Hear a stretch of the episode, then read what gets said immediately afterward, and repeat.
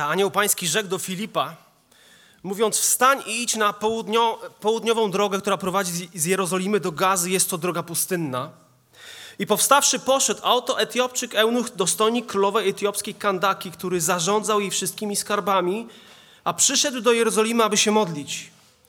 Powracał, a siedząc na swoim wozie czytał proroka Izajasza. I rzekł duch Filipowi, podejdź i przyłącz się do tego wozu. A gdy Filip podbiegł, usłyszał, jak tamten czytał proroka Izajasza i rzekł, czy rozumiesz to, co czytasz? Ten zaś powiedział, jakżebym mógł, jeśli mnie nikt nie pouczył. I poprosił Filipa, aby wsiadł i zajął przy nim miejsce.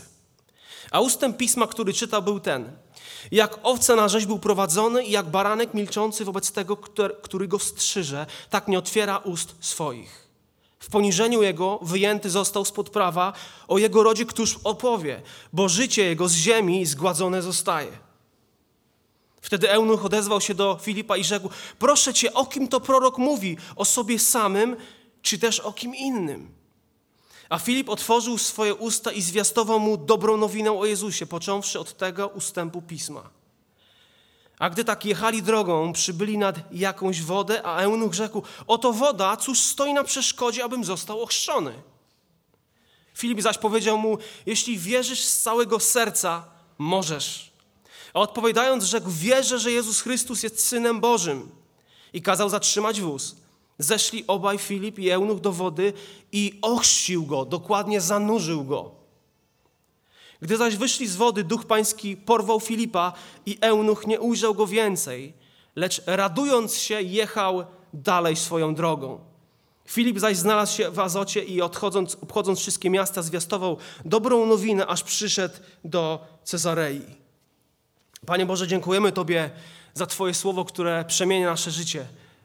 Jesteś, Boże, naszym Bogiem, naszym Panem i chcemy dzisiaj Ciebie słuchać. Amen. To jest zapis z ósmego rozdziału Księgi Dziejów Apostolskich. Dzieje apostolskie to jest niezwykła księga. To jest księga, mu, która mówi o Bożym działaniu, o działaniu Ewangelii. Ona pokazuje, co Ewangelia jest w stanie zrobić w życiu człowieka. I na przykład ósmy rozdział, dziewiąty rozdział, dziesiąty rozdział to są rozdziały nawróceń. To są rozdziały, które, w których widzimy, jak Pan Bóg dotyka się człowieka i życie tego człowieka jest wywracane do góry nogami. Ba, nie tylko jednego człowieka, ale całych rodzin, większej ilości osób. Kiedy patrzysz na ósmy rozdział, czytamy o Etiopczyku, który był synem Hama, potomka Noego. Kiedy otwierasz dziewiąty rozdział, czytasz o Saulu, który stał się apostołem Pawłem. On jest potomkiem Sema. Dziesiąty rozdział, czytasz o Korneliuszu, który jest potomkiem Jafeta. Pan Bóg bardzo wyraźnie pokazuje, że te rody, które zaczęły się od Noego, jego synowie, Pan Bóg chce docierać Ewangelię do wszystkich, do całych narodów i pojedynczych osób. Jest zainteresowany światem, jest zainteresowany Tobą, jako jedną osobą. I czytamy o, czy, przeczytałem o niezwykłych osobach. Czytamy o Filipie. To był bardzo ciekawy autostopowicz, prawda? Jest jeden, był jednym z siedmiu diakonów, wybrany przez apostołów, przez, przez pierwszy kościół do usługiwania przy stołach, ale Pan Bóg go powołał dalej. Cieszył się zaufaniem, pełen Ducha Świętego mądrości i siódmy rozdział dziejów mówi o okropnej rzeczy, o Szczepanie, który został zabity z powodu Ewangelii. I rozpoczęło się wielkie prześladowanie Kościoła. I ludzie rozproszyli się, zaczęli iść do małych wiosek, do miast. I między innymi Filip poszedł do Samarii. I zaczęło się wielkie przebudzenie. Kiedy Filip zwiastował im Jezusa, Samarytanom. Niezwykłe przebudzenie. A Filip dotarł do Samarii i głosił im Chrystusa. Ludzie zaś przyjmowali uważnie i zgodnie to, co Filip mówił, gdy słyszeli i widzieli cuda, które czynił, albowiem duchy nieczyste wychodziły z wielkim krzykiem z wielu, którzy je mieli. Wielu też sparaliżowanych i łomnych zostało uzdrowionych i było wiele radości w owym mieście. I Pan Bóg używa Filipa w niezwykły sposób. Ale jest też druga osoba. Etiopczyk. Ciemnej karnacji. Wiemy, że to jest dostojnik królowej etiopskiej Kandaki. Taki minister skarbu państwa. Z pewnością musiał cieszyć się poważaniem, szacunkiem. Był lojalny. Ta królowa Kandaki to nie jest jej imię, ale bardziej tytuł matki, która rządziła wtedy jest Etiopczykiem, on nie, nie pochodzi z dzisiejszej, nie pochodził z dzisiejszej Etiopii, ale bardziej z południowego, z terenu południowego Egiptu i północnego Sudanu. Wiemy, że jest eunuchem. Ale wiemy też, że jest człowiekiem religijnym, ale niestety zakon Mojżesza zabraniał takim ludziom wchodzić do świątyni. Widzisz go jako człowieka bardzo religijnego. Jest bogaty, ma olbrzymie odpowiedzialności i ma w sobie jakiś głód i idzie do Jerozolimy, bo chce, jest powiedziane, oddać dokładnie pokłon Bogu. Chce uczcić Boga, o którym być może słyszał. Nie wiemy, jak ta informacje na temat religii żydowskiej dochodziły do tego człowieka, ale doszły. Przemierza setki kilometrów, żeby iść do Jerozolimy. Tam zostali tylko praktycznie apostołowie. Wszyscy się rozeszli, dlatego że bardzo niebezpieczną rzeczą wtedy było mówić Jezus Chrystus, Mesjasz, pomazaniec. Ale ten Etiopczyk reprezentuje dzisiaj bardzo wiele osób, które są religijne, czytają Pismo Święte, szukają prawdy, ale nie mają zbawiającej wiary w Jezusa Chrystusa. Są szczere, ale są zgubione. Potrzebują kogoś, kto wskaże im drogę, kto będzie zwiastował im Jezusa.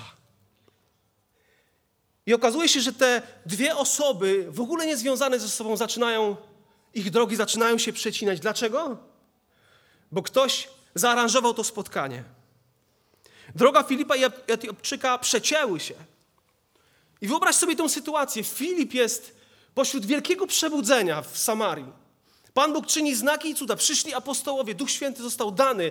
Jest wielka radość i w pewnym, w pewnym momencie słyszy poprzez anioła głos: Zostaw to.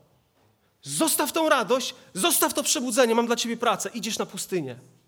Teraz, w tej chwili, kiedy tyle się raduję, kiedy widzę owoce swojej pracy, swojego głoszenia, idź na pustynię. I Filip zostawia to, co ma, to, co zna, i idzie na pustynię, dlatego że musi dotrzeć do jednej zgubionej duszy. Bo Bogu zależy na takiej duszy. Przecież sam anioł mógł pójść i powiedzieć temu dostojnikowi. Prawda? Ale wiecie, że Bożą metodą są ludzie. Pan Bóg Kościołowi dał to wielkie zadanie zwiastowania Ewangelii. I poszedł. Czytamy, że ten dostojnik powraca, a siedząc na swoim wozie czyta proroka Izajasza. I nie myślcie sobie, że w jednej ręce miał lejce, a w drugiej księgę. Jako dostojnik na pewno nie podróżował sam. Siedział sobie wygodnie w swoim wozie i czytał. I miał pytania. I był w Jerozolimie i te pytania, nikt nie dał mu odpowiedzi. Ba, nikt mu nie zwiastował Ewangelii do tej pory. Ale widzisz Pan Ducha Świętego w akcji. Czytamy o tym, i rzekł Duch Filipowi, podejdź i przyłącz się do tego wozu. To przynaglenie od Bożego Ducha Świętego. A gdy Filip dobiegł, usłyszał, jak tamten czyta proroka Izajasza. I wiemy, że to jest wspaniały fragment. Izajasza, 53 rozdział i tak naprawdę ten dostojnik, siódmy i ósmy werset, czyta na głos. Taki był zwyczaj wtedy. Nie czytano po cichu, czytano na głos. I czyta o Bożym cierpiącym słudze. I cały ten rozdział 53 też, kiedy bierzesz do rąk i czytasz, to czytasz o narodzinach Chrystusa, czytasz o życiu i służbie Chrystusa, czytasz o zastępczej śmierci, czytasz o zwycięstwie. I ta idea zastępczej śmierci jest ciągle obecna w Starym Testamencie. A on czyta i nic nie rozumie. Co się tutaj dzieje, co jest powiedziane w tym fragmencie. Nie rozumie, bo są pewne przeszkody na drodze zbawienia. Jakie to są przeszkody? Na przykład niewiedza, nieświadomość, niezrozumienie, brak pewnych informacji. Ale to nie wszystko. Wiemy, że taką przeszkodą na drodze do zbawienia jest zaślepienie serca, zatwardzenie serca człowieka. Z powodu? Z powodu grzechu. Z powodu zepsucia tej ludzkiej natury człowiek nie jest w stanie sam sięgnąć po Boga. Nie rozumie. Nie docierają do niego, czyta i nie widzi, patrzy, nie widzi. I konsekwencje, konsekwencja tego jest taka, że człowiek jest daleko od Bożego życia, daleko od Boga, daleko od społeczności, daleko od ratunku. I okazuje się, że Filip jest z jednej strony tak blisko, czyta już, ale z drugiej strony tak daleko. Lord Kenneth Clark, znany na całym świecie z serialu Cywilizacja, żył i umarł bez wiary w Chrystusa. I w swojej autobiografii przyznał, że odwiedzając piękny kościół, miał coś, co uważał za ogarniające doświadczenie religijne. Pisał tak: Cała moja istota została napromieniowana jakimś rodzajem niebiańskiej radości, o wiele bardziej intensywnej niż cokolwiek, co wcześniej znałem. Poszedł do kościoła. Ale, jak on to nazwał, mrok łaski stworzył problem. Gdyby pozwolił temu wpłynąć na siebie, wiedział, że będzie musiał się zmienić.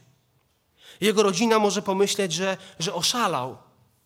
A może to, co się dzieje, to jest jakaś iluzja? Więc doszedł do wniosku, cytuję, byłem zbyt głęboko osadzony, osadzony w tym świecie, aby zmienić kurs. I nie zmienił. Umarł bez Chrystusa.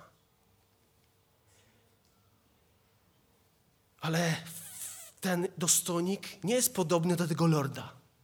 On szuka Boga, on ma pytania, on czyta. Ale wiecie co, religijność nie wystarcza. Religia nie wystarcza. Nie wystarcza to, że miał głód, to, że miał potrzebę Boga. Nie był cały czas zbawiony. To, że może nawet się modlił, że kłaniał się Bogu. Cóż stoi na przeszkodzie zbawienia tego człowieka? A co stoi na przeszkodzie Twojego zbawienia? Rodzina? Przyzwyczajenie? Strach? Twoja duma? Twoja pycha? Twoja tradycja rodzinna? Może kościelna? Co stoi na drodze Twojego zbawienia? Cóż stoi na przeszkodzie? Czy rozumiesz, czy pojmujesz to, co czytasz, to, co słyszysz? I czytamy, jak żebym mógł, jeśli mnie nikt nie pouczył, jeśli mnie nikt nie poprowadził. I widzimy Filipa w akcji. Ale zobacz, zanim, zanim to się stało, zanim Filip zwiastował Chrystusa, zobaczcie postawę tego człowieka, tego dostojnika. Wiemy, że był religijny, ale prosi Filipa, aby wsiadł i zajął miejsce przy nim. On go zaprasza do swojego życia. Mówi: bądź koło mnie i mów do mnie, wytłumacz mi to.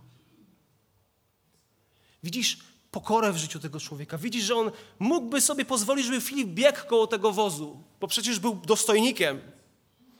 I niekoniecznie chciałby, żeby ktoś może siedział koło niego. Ale ten dostojnik robi zupełnie coś innego. Zaprasza go do swojej codzienności. Mówi, mów mi. Mam pytania. Niektórzy ludzie nigdy nie doświadczą zbawienia, bo nigdy nie zaprosili, nie pozwolili, aby ktoś stał się bliższy ich sercu. Z powodu strachu. On zaprosił go usiąść koło mnie. On go wpuszcza do swojego życia. On otwiera się na drugiego człowieka. On zaczyna rozmawiać twarzą w twarz. Proszę cię, o kim to prorok mówi? O sobie samym, czy też o kim innym? Wytłumacz mi. I widzimy Filipa, że był gotowy biec, był gotowy spytać. Widzisz, że nawet Filip wie, jaki fragment czyta ten eunuch. On znał Boże Słowo, znał Stary Testament. On wiedział, że to był Izajasza.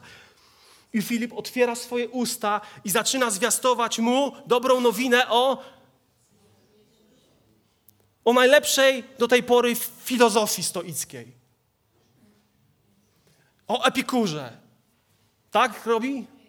Zwiastuje mu dobrą nowinę. Nie, nawet nie mówi o sobie, ale mówi, zwiastuje dobrą nowinę o Jezusie, począwszy od tego fragmentu pisma. Był gotowy od tego fragmentu przejść przez cały stały Stary Testament i dojść do tych czasów Nowego Testamentu, czasów, kiedy to przebudzenie się rozpoczynało i mówi mu o Jezusie. Wiecie, co jest przeszkodą zbawienia? To, że się dzisiaj dużo mówi, ale się coraz mniej mówi o Jezusie. Coraz mniej zwiastuje o Jezusie. Coraz częściej można usłyszeć zwiastowanie o psychologii, psychiatrii w kościele, o pięciu zasadach, jak zrobić to, jak zrobić tamto, jak być lepszym, jak być. A gdzie w tym wszystkim Chrystus? On zwiastuje dobrą nowinę o Jezusie. Zwiastuje istoty Ewangelii. Filip zwiastuje o śmierci. Zwiastuje o tym, że Chrystus musiał przyjść, bo tak pisma mówiły.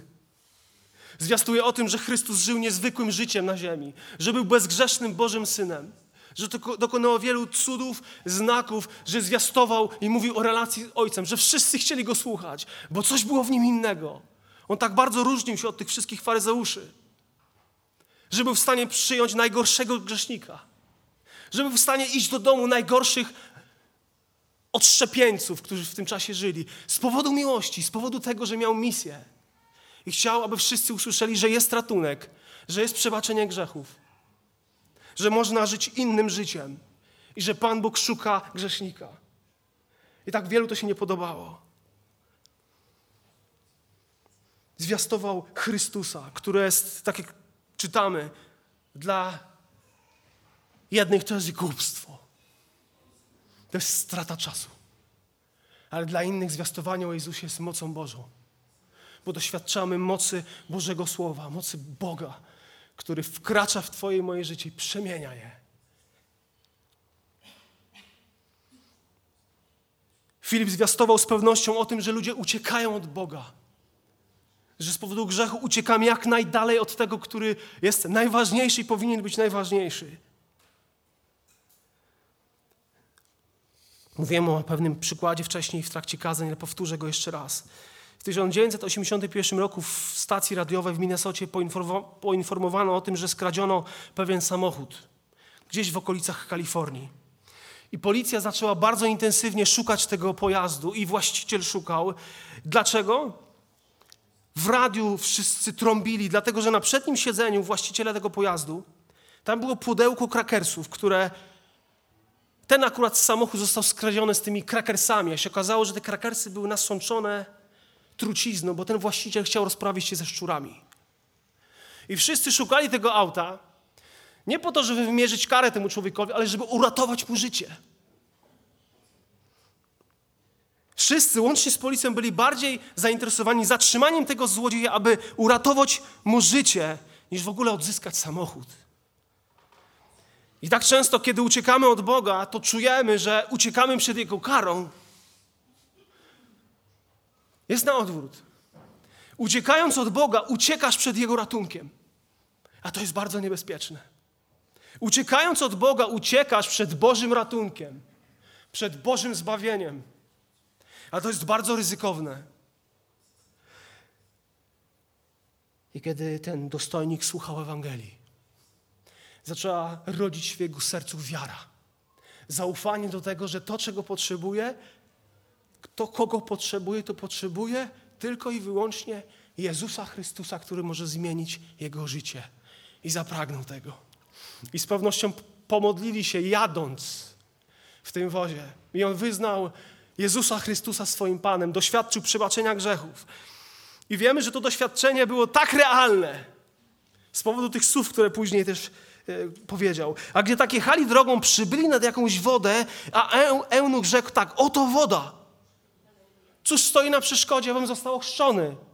A skąd on wiedział, że, że, że jest jakaś woda, że trzeba się ochrzcić? Skąd on to wiedział? Filip musiał mu powiedzieć, że tak czynili pierwsi wierzący, pierwsi chrześcijanie. Kiedy wyznawali wiarę w Chrystusa, wchodzili do wody, zaświadczając, że teraz należy do Jezusa. I nawet jeżeli są prześladowania, to ja będę wchodzić do tej wody, ja będę zwiastował, jestem Jego uczniem. Oto woda, cóż stoi na przeszkodzie. Są jakieś przeszkody? Nie ma. Nie ma. To doświadczenie było tak realne, że natychmiast został ochrzczony. I chrzest wodny jest czymś bardzo ważnym w Bożym Słowie. Ta woda nie ma jakichś właściwości magicznych, ani sam chrzest nikogo nie zbawia, ale jest wyrazem, pokazaniem tego, co się stało w życiu tych ludzi. Cóż stoi na przeszkodzie? Aby kiedy będzie następny chrzest, aby chrzest, abyś to właśnie Ty znalazł się w wodzie.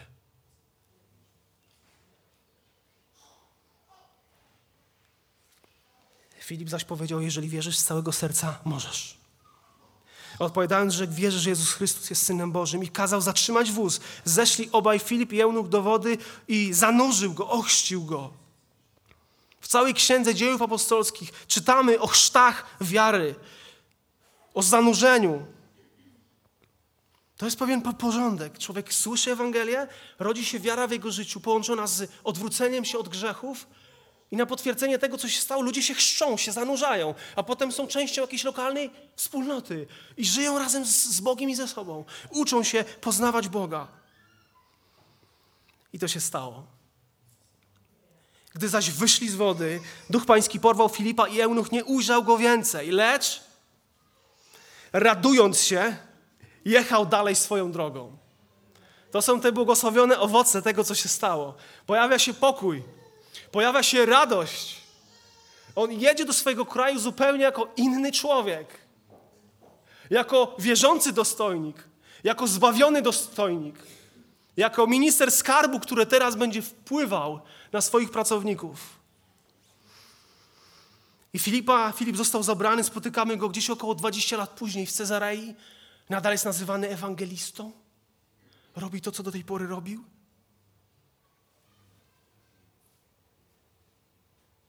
A ten dostojnik pojechał do Afryki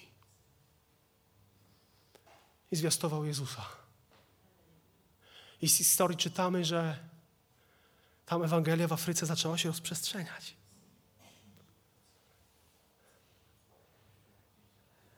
Jak to się stało? Czytamy o tej historii. Co tak naprawdę jest kluczowe w niej? Albo kto jest kluczowy? Z pewnością, kiedy czytasz tą historię, widzisz niezwykłe, niezwykłą pracę, niezwykłe działanie Ducha Świętego, który zabiera Filipa z wielkiego przebudzenia, posyła go na pustą drogę. Widzisz pracę Ducha Świętego, jak przygotowuje serce tego, tego dostojnika. On zaczyna mieć pragnienia pewne. Widzisz, jak ich drogi się łączą? To nie jest przypadek. A więc z jednej strony jest Duch Święty, który prowadzi, działa, z drugiej strony widzisz, czytasz o Bożym Słowie. On czyta proroka Izajasza, czyta Słowa Boże. Jakże inaczej, przecież wiara jest ze słuchania, słuchanie przez Słowo Chrystusowe. Słowo o Chrystusie. I Duch Święty używa tego słowa i używa Filipa. Bo Słowo Boże jest żywe, jest skuteczne, ostrzejsze niż wszelki miecz obosieczny, przenikający aż do rozdzielenia ducha, duszy i ducha, stawów i szpiku, zdolne osądzić zamiary i myśli serca. I nie ma stworzenia, które by się mogło przed nim ukryć. Wszystko jest obnażone i odsłonięte przed oczami tego, przed którym musimy zdać sprawę. A Paweł śmiało mówi: Ja się nie wstydzę tej Ewangelii. Nie wstydzę się Bożego Słowa. Dlatego, że ta Ewangelia jest tym mocą Bożą ku zbawieniu każdego, kto wierzy. Najpierw Żyda, potem Greka. Bo usprawiedliwienie Boże, a co się z tym wiąże? Przebaczenie grzechów. W niej bywa objawione z wiary w jak napisano, a sprawiedliwy z wiary żyć będzie. Nie z religijności, nie z uczynków, z zaufania do swojego Boga. A więc jest działanie Ducha Świętego, jest Boże Słowo, jest człowiek.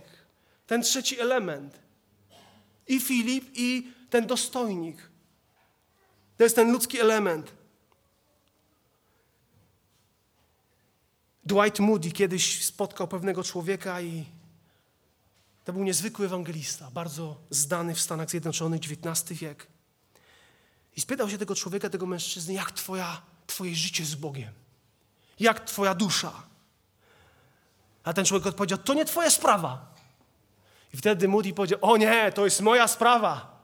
I wtedy ten człowiek powiedział, aha, to w takim razie to ty musisz być tym Moodim. Tak. Moody mówi, to jest moja sprawa, twoja dusza. I wiesz, wiesz co, Kościele? Sprawa tych wszystkich dusz, którzy są wokół nas, to jest nasza sprawa. Sprawa zbawienia Twojej rodziny to jest Twoja sprawa, Kościele. Sprawa zbawienia Twoich sąsiadów to jest Twoja sprawa, Kościele. Sprawa zbawienia całych narodów i pojedynczych ludzi to jest Twoja sprawa, Kościele. I mamy ten przywilej, żeby uczestniczyć w tym dziele zbawienia. I za każdym razem, kiedy otwierasz usta, kiedy zwiastujesz Chrystusa, Bóg działa. I dzisiaj mamy dowód na to.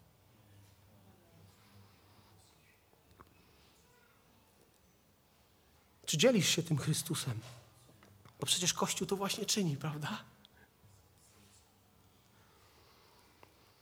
Jeżeli jesteśmy posłuszni temu Bożemu niezwykłemu prowadzeniu, możemy być pewni, że On pójdzie przed nami i otworzy nam drogę do tego, abyśmy świadczyli. Zakończę historię historią wymyśloną, ale obrazuje pewną prawdę. Diabeł i jego kohorty opracowywali plany, aby skłonić ludzi do odrzucenia Ewangelii. Chodźmy do nich i powiedzmy, że nie ma Boga. Zaproponował jeden demon. Zapanowała cisza. Każdy diabeł wiedział, że większość ludzi wierzy w najwyższą istotę. Powiedzmy im, że nie ma piekła, nie ma kary dla niegodziwców. Zaproponował inny.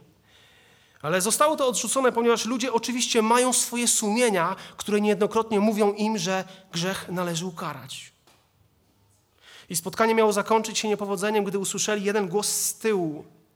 Powiedzmy im, że jest Bóg, jest piekło, że Biblia jest Słowem Bożym, ale powiedzmy im, że mają mnóstwo czasu, żeby spotkać Chrystusa. Mnóstwo czasu na podjęcie decyzji, Niech zaniedbują Ewangelię, aż będzie za późno. I całe piekło wybuchło tą upiorną radością, ponieważ wiedzieli, że jeżeli ktoś zwleka z Chrystusem, to zwykle nigdy go nie przyjmie. Co stoi na przeszkodzie Twojego zbawienia? Może zwlekanie.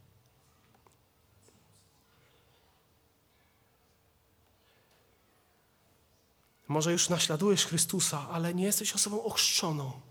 Co stoi na przeszkodzie, aby wejść do wody?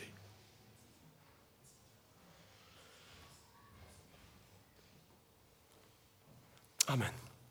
Postańmy do modlitwy.